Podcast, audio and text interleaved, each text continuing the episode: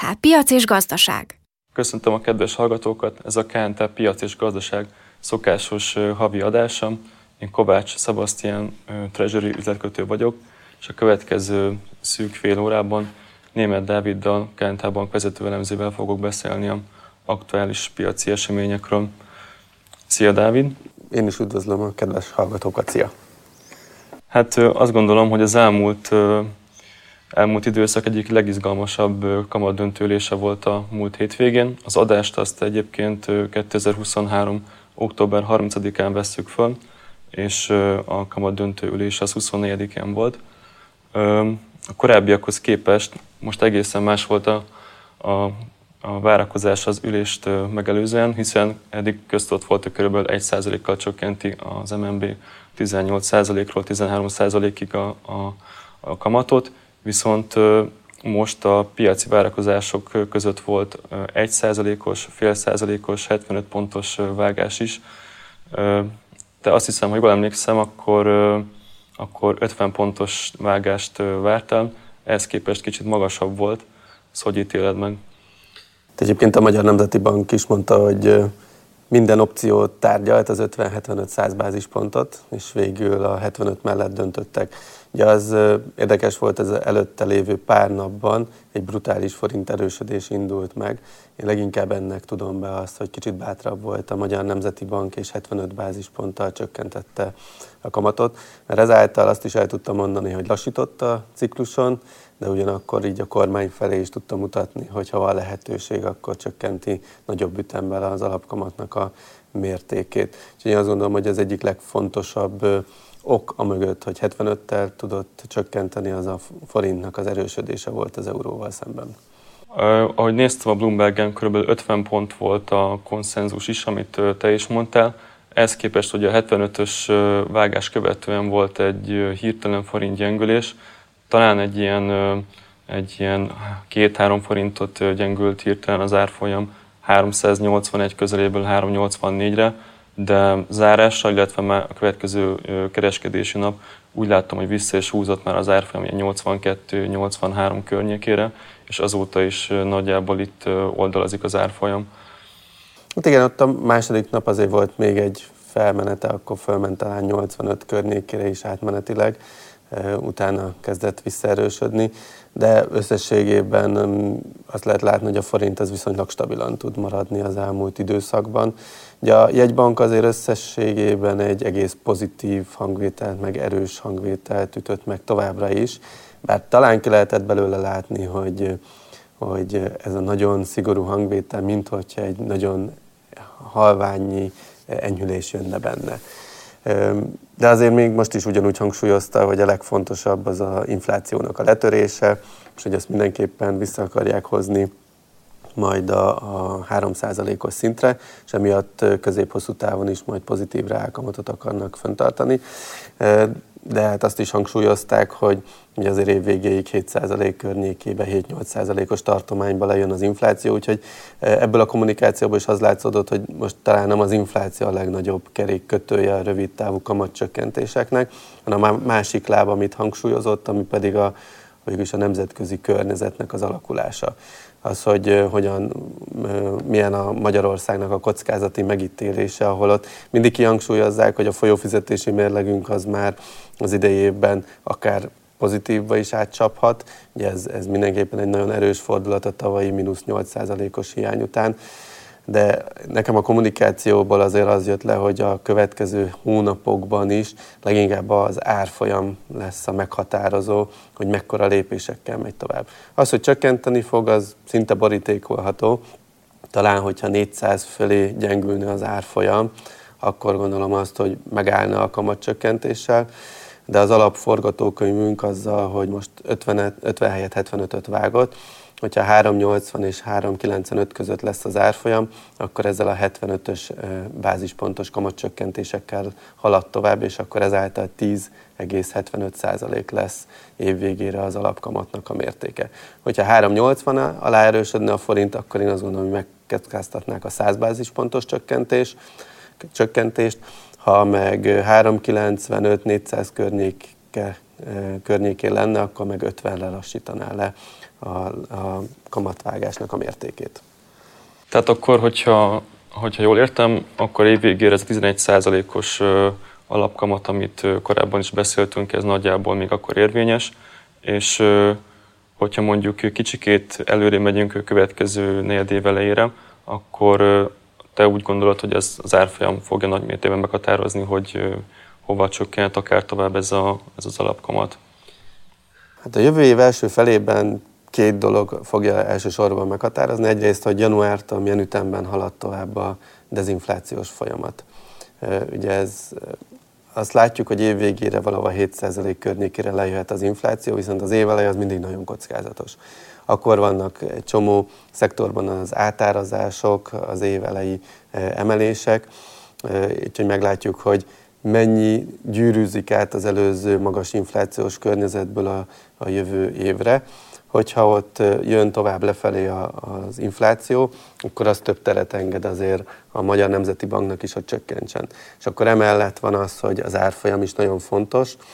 Ugye ott leginkább két csatornán keresztül. Egyrészt az, hogyha gyenge az árfolyam, akkor megakaszthatja a, a lassuló inflációt. Elsősorban azért azt láttuk az elmúlt másfél-két évben, hogy a gyengülő árfolyam az nagyon gyorsan átárazza a piaci termékeket és szolgáltatásokat, ugye elsősorban a piaci termékeken keresztül, illetve az energiaárakon keresztül, e, és e, hát azt nagyon nem szeretné a Magyar Nemzeti Bank, hogy beragadjon a, az inflációnak a csökkenése. Ugye a másik ok az pedig az, hogy továbbra is szeretnék azt mutatni a a szereplők, a gazdasági szereplők számára, hogy a forint az egy stabil, jó fizető eszköz, és minél inkább elejét, elejét vegye annak, hogy a gazdasági szereplők itt euróban kezdjenek el gondolkodni, és euróba kössék a szerződéseket. Úgyhogy ez a két ok, én azt valószínűsítem, hogy azért az év második negyedévétől már sokkal óvatosabb lesz a jegybank. Tehát az év elején még valószínűleg mehet tovább akár a 75 bázispontos csökkentésekkel. Szerintem 8%-ig nagyjából elég sima út lehet. A 8 alatti szintektől viszont már el kell kezdeni lassítania, és ott puhatolózni, hogy 7,5-7 százalék, 6,75, mi lesz az a kamatszint, amit még a piac is tolerál, hiszen azt is látni kell, hogy közben egyre inkább majd csökken Magyarországnak a kamat felára, és nagyon nagy kérdés, hogy a piaci szereplők hogyan értékelik azt, hogy ez a nagy kamat többlet eltűnik a forint mögül. Ez azért is fontos, amit mondasz, mert a sajtótájékoztatón úgy tűnt, hogy Virág Barnamás kiemelt figyelmet fordít a, arra, hogy reálkamat legyen Magyarországon. Tehát akkor gondolom ez is egy fontos szempont lesz majd a, a várható kamatpálya alakulásában. Abszolút a reálkamat az egy fontos dolog, bár ugye azt is látjuk, hogy leginkább csak a nagyon rövid végén a hozamgörbének, tehát a, a, és főleg a lakosság számára érhető el pozitív reálkamat. Itt az egy pár hónapos betéteknél, illetve ilyen infláció követő állampapíroknál az, ami látjuk ezt a pozitív rákamatot, hogyha már hosszabb instrumentumokat vásárol egy ember, hogy ott például egy 10 éves magyar állampapír, az most 7,5 százalék környékén van, a három éves is valamivel 8 százalék fölött, tehát ott még mindig ugye negatív rákamat van érvényben, de valószínűleg, ahogy jön lefelé az infláció, úgy a hozamgörbe többi pontján is elkezdhetjük közelíteni a pozitív reálkamatot. Tehát ez mindenképpen igen, egy nagyon fontos üzenete volt a Magyar Nemzeti Banknak, hogyha tartósan le akarjuk vinni az inflációt a 3% közül szintre, akkor még annyi inflációs nyomás van, hogy ehhez egy pozitív reálkamat környezetet kell föntartani. Úgyhogy ez is azt indokolja, hogy valószínűleg a jövő év második negyedévétől egy sokkal óvatosabb Magyar Nemzeti Bankot láthatunk, már inflációs szempontból is. Az MNB-nek a, az ülése mellett még fontos esemény volt a lengyel választásoknak az alakulása. És úgy tűnik, hogy Lengyelországban egy EU-barát politikai vezetés alakulhat meg, és ez azt is jelentheti, hogy a vártnál sokkal hamarabb hozzáférhetnek az EU-s forrásokhoz. Hogy értékeled, hogy ennek egyrészt milyen hatása lehet a forintra, úgy, mint a régióban, ugye, hogy közelünk Lengyelországhoz, és általában azért, hogyha a lengyel zotyi erősödik, akkor általában sok esetben a forint is tud abból profitálni, illetve hogy az EU-s pénzekhez emiatt szerinted esetleg könnyebben vagy nehezebben fogunk-e tudni hozzáférni? Talán olyannyira látjuk ezt a hatást, hogy ha erősödik az lengyel zloty, akkor a forint is, hogy az elmúlt hetek is talán erről is szóltak, hogy a zloty az rengeteget visszajött, annak ellenére, hogy ők is csökkentik a kamatot, sőt volt meglepetés kamatcsökkentés is náluk, és ennek ellenére a zloty az erős tudott maradni, és ez szinte biztos annak is betudható, hogy, hogy a politikai oldalon egy váltás jön be, és a piac örül annak, hogy, hogy az EU-val jobban együttműködő kormány jöhet létre, illetve hát persze adnak is, hogy jönnek az Európai Uniós források majd nagyobb eséllyel Lengyelországba. Ugye ez úgy hat minket, hogy kérdés, hogy hogyan alakítja át a szövetségünket, hiszen nagyon sokszor egymást segítettük különböző döntéseknél, és felléptünk az EU-ba közösen egy-egy EU-s állásponttal szemben. Kérdés, hogy itt milyen közös pontok maradnak majd meg, de valószínűsítheti, hogy a magyar kormánynak is ezáltal akár jobban kell fordulnia az Európai Unió felé, mert bizonyos témakörökben akár egyedül maradhat, és egyébként egyre nagyobb az esély annak, hogy az idei évben feloldják egy részét a befogyasztott Európai Uniós forrásainknak. Ezt egyébként korábban már Navracsics Tibor is mondta, hogy akár novemberben megszülethet ez a döntés, ez is egy ok volt annak a mögött, hogy a forint erősödni tudott, illetve hát van egy határidő is, ami miatt mindenképpen valami választ kell adni az Európai Uniónak a magyar forrásokkal kapcsolatban.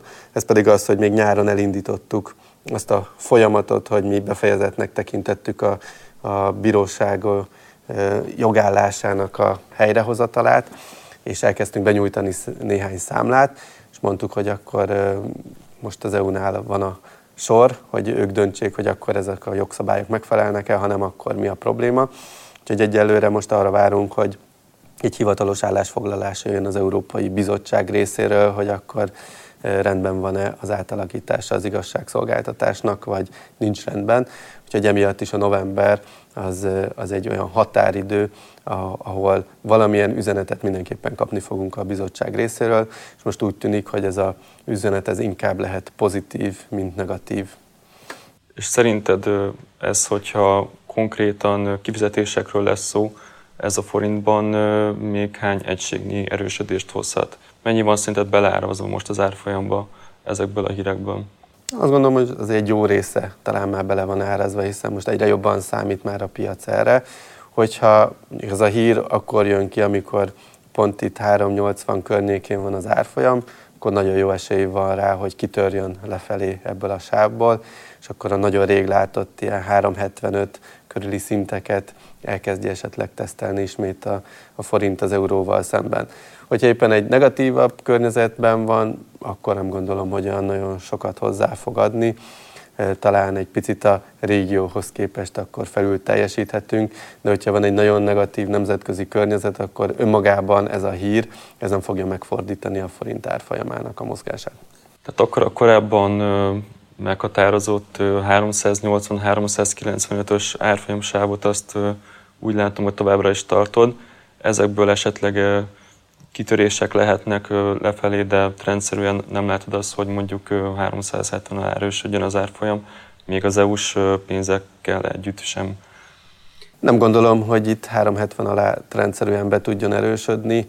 Volt nyáron egy időszak, amikor nagyon rövid időre benézett 370 alá, de akkor még nagyon magas kamatunk volt, és amúgy elég jó nemzetközi környezet is. És az, ez mind kellett hozzá, hogy a forint ilyen erős tudjon maradni.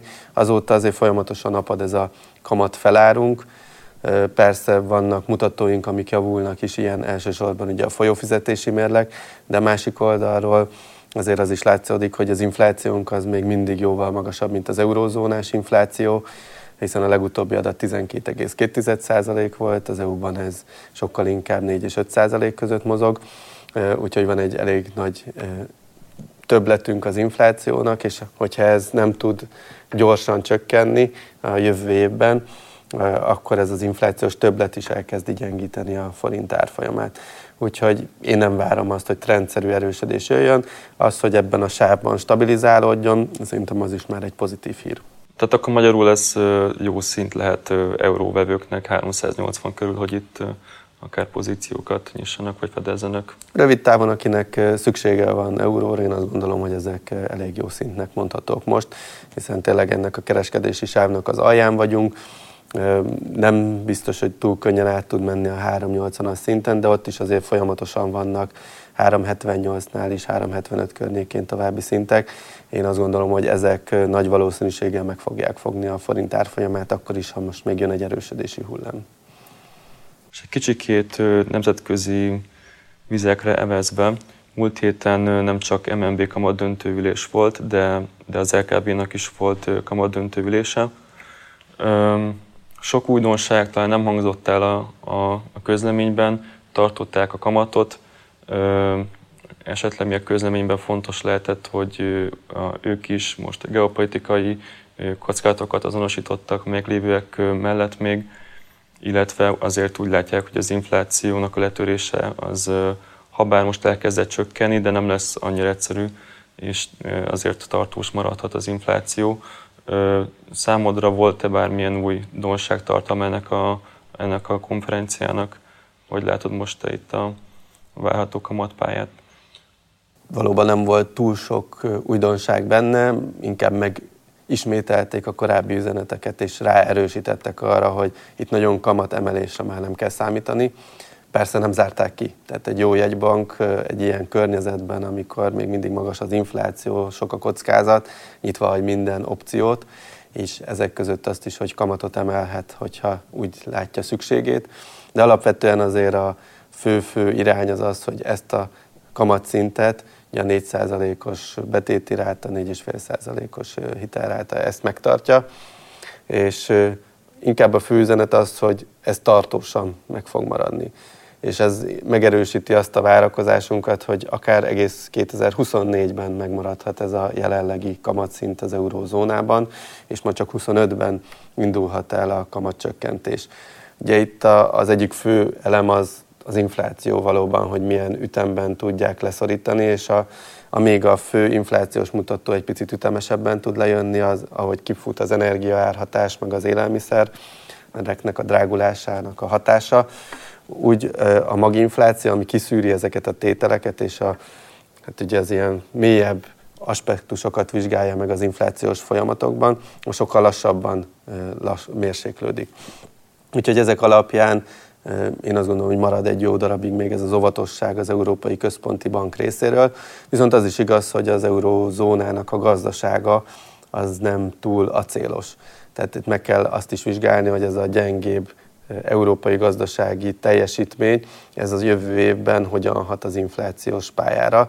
Ugye nem egyértelmű az, hogyha lassú a gazdasági növekedés, akkor az infláció automatikusan lejön, ezért ismerjük azt a kifejezést, hogy stagfláció, amikor van magas infláció és hozzá nincs növekedés. Tehát sajnos előállhat olyan helyzet, hogy Európa beragad egy ilyen nagyon lassú növekedési dinamikába egy relatíve magasabb infláció mellett. Jövő héten, illetve ezen a héten lesz Fed kamat döntőülés is. Most Amerikában a legutolsó inflációs jelentés az évperi alapon 3,7% volt. Ezzel szemben volt egy igazán brutális 4,9%-os évperi alapú GDP növekedés is. Nem érzed úgy, hogy egy kicsikét az európai, illetve a tengeren túli növekedési kilátások, illetve inflációs pálya kezd egy kicsikét eltérni egymástól, és szerinted ennek milyen hatása lehet mondjuk a két jegybank közötti kamatpolitikában? Az amerikai gazdaság az valóban sokkal bivajabb, acélosabb, mint az eurózóna. Azért őket sokkal kevésbé érintette meg az energiaválság. Most is, hogyha megnézzük a, az amerikai gáznak az árát helyi szinten, illetve az európai gáz szintjét, gázár szintjét, akkor többszörös szorzó van a kettő között. Ez már csak egy elem, ami azt mutatja, hogy azért Amerikában könnyebb e, vállalatot működtetni, hiszen a költségek ezáltal valamivel alacsonyabbak.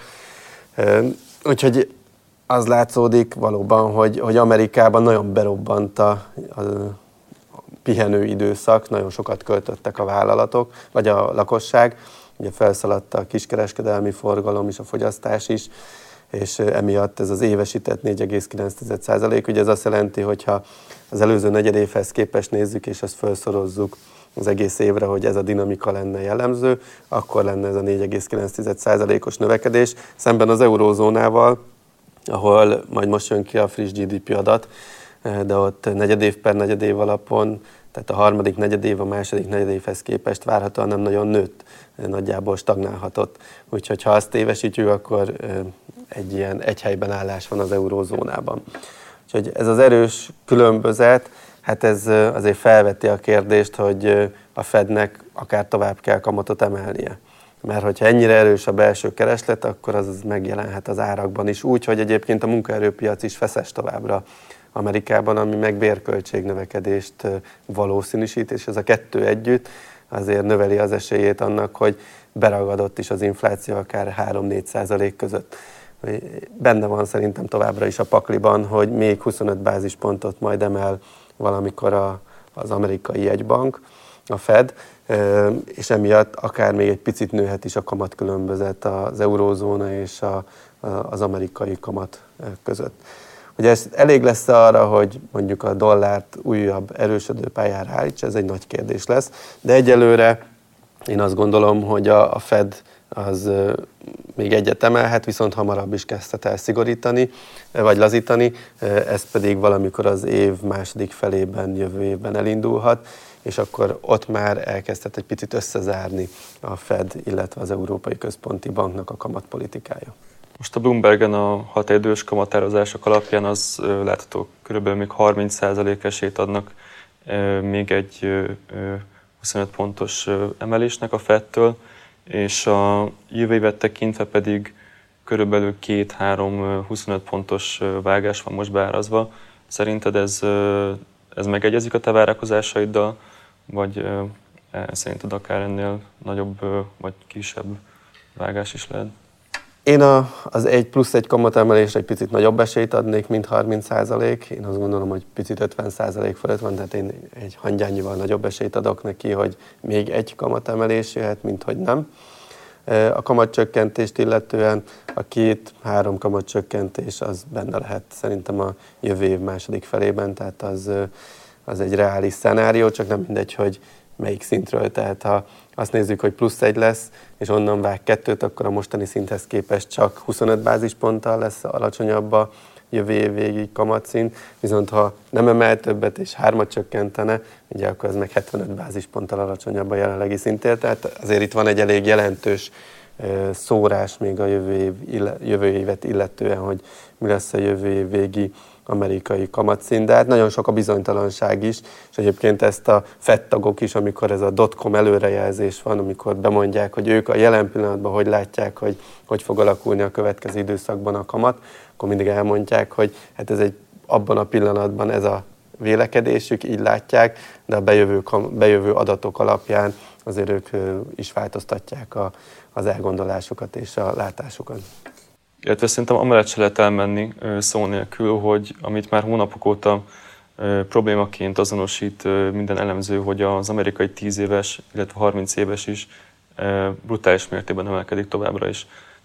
Volt egy lokális maximum 4,8% körül, ami pár hétig kitartott, de most múlt héten megint tovább emelkedett, és most már 5,02% fölött volt az amerikai 10 évesnek a hozama. Ez további dollár erősödést hozhat, gondolom, illetve a feltörekvő piacokról akár pénzt vonhat ki. Mit gondolsz, hol lehet ennek az emelkedésnek a teteje, hogyha mondjuk a 10 éves kötvényt vesszük figyelembe? Hát nagyon nehéz megmondani, hogy mennyi van még az amerikai 10 évben. Erről az 5%-ról azért mindig visszapattant eddig. Az érdekes az lenne, hogyha, hogyha fölötte tudna ragadni, és akkor akár 5-2-5-3-ig elmenne.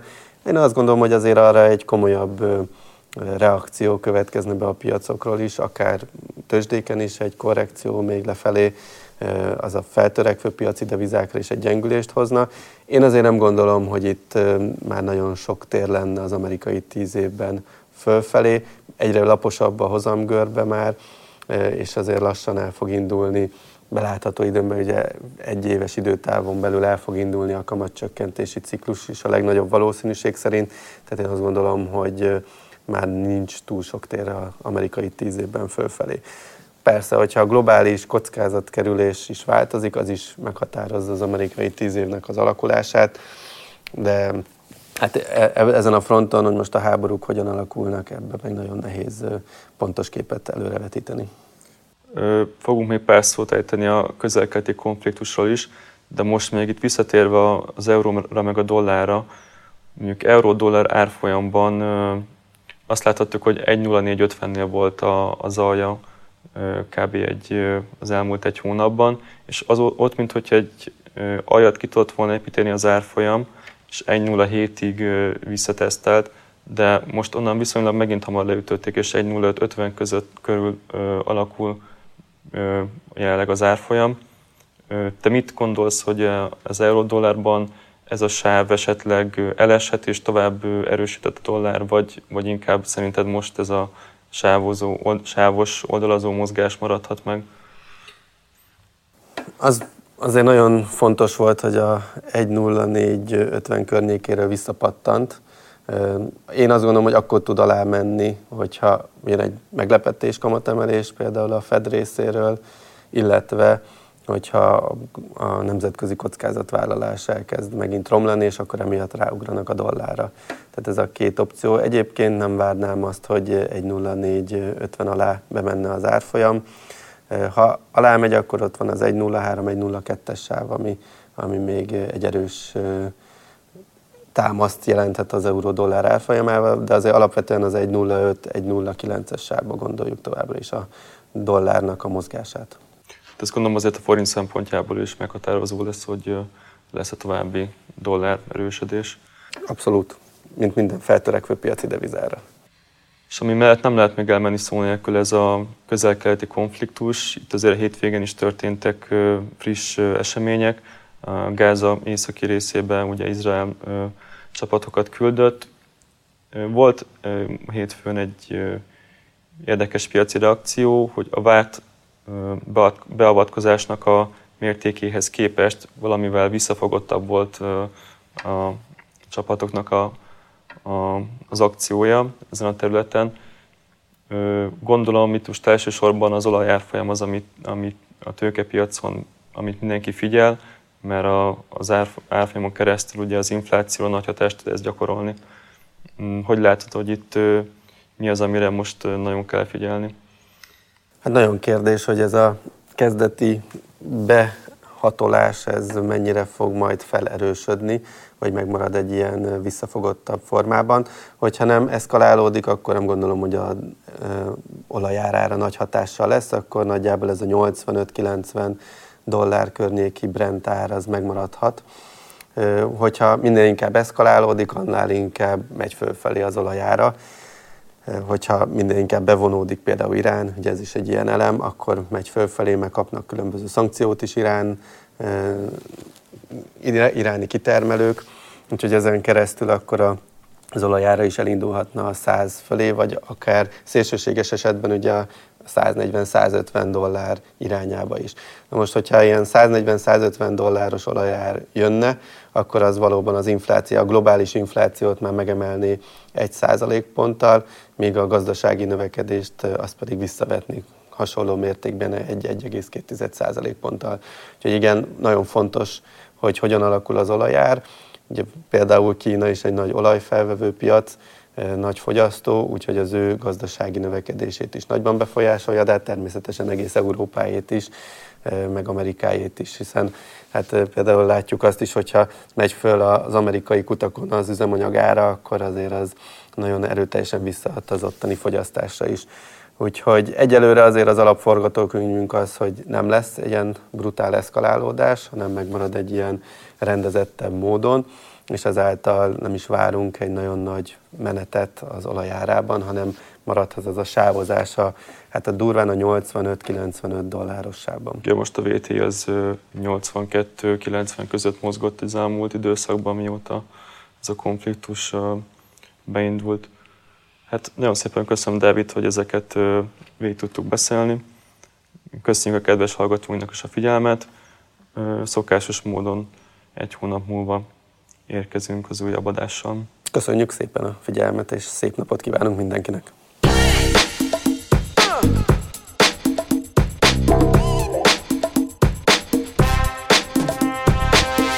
KNH Piac és Gazdaság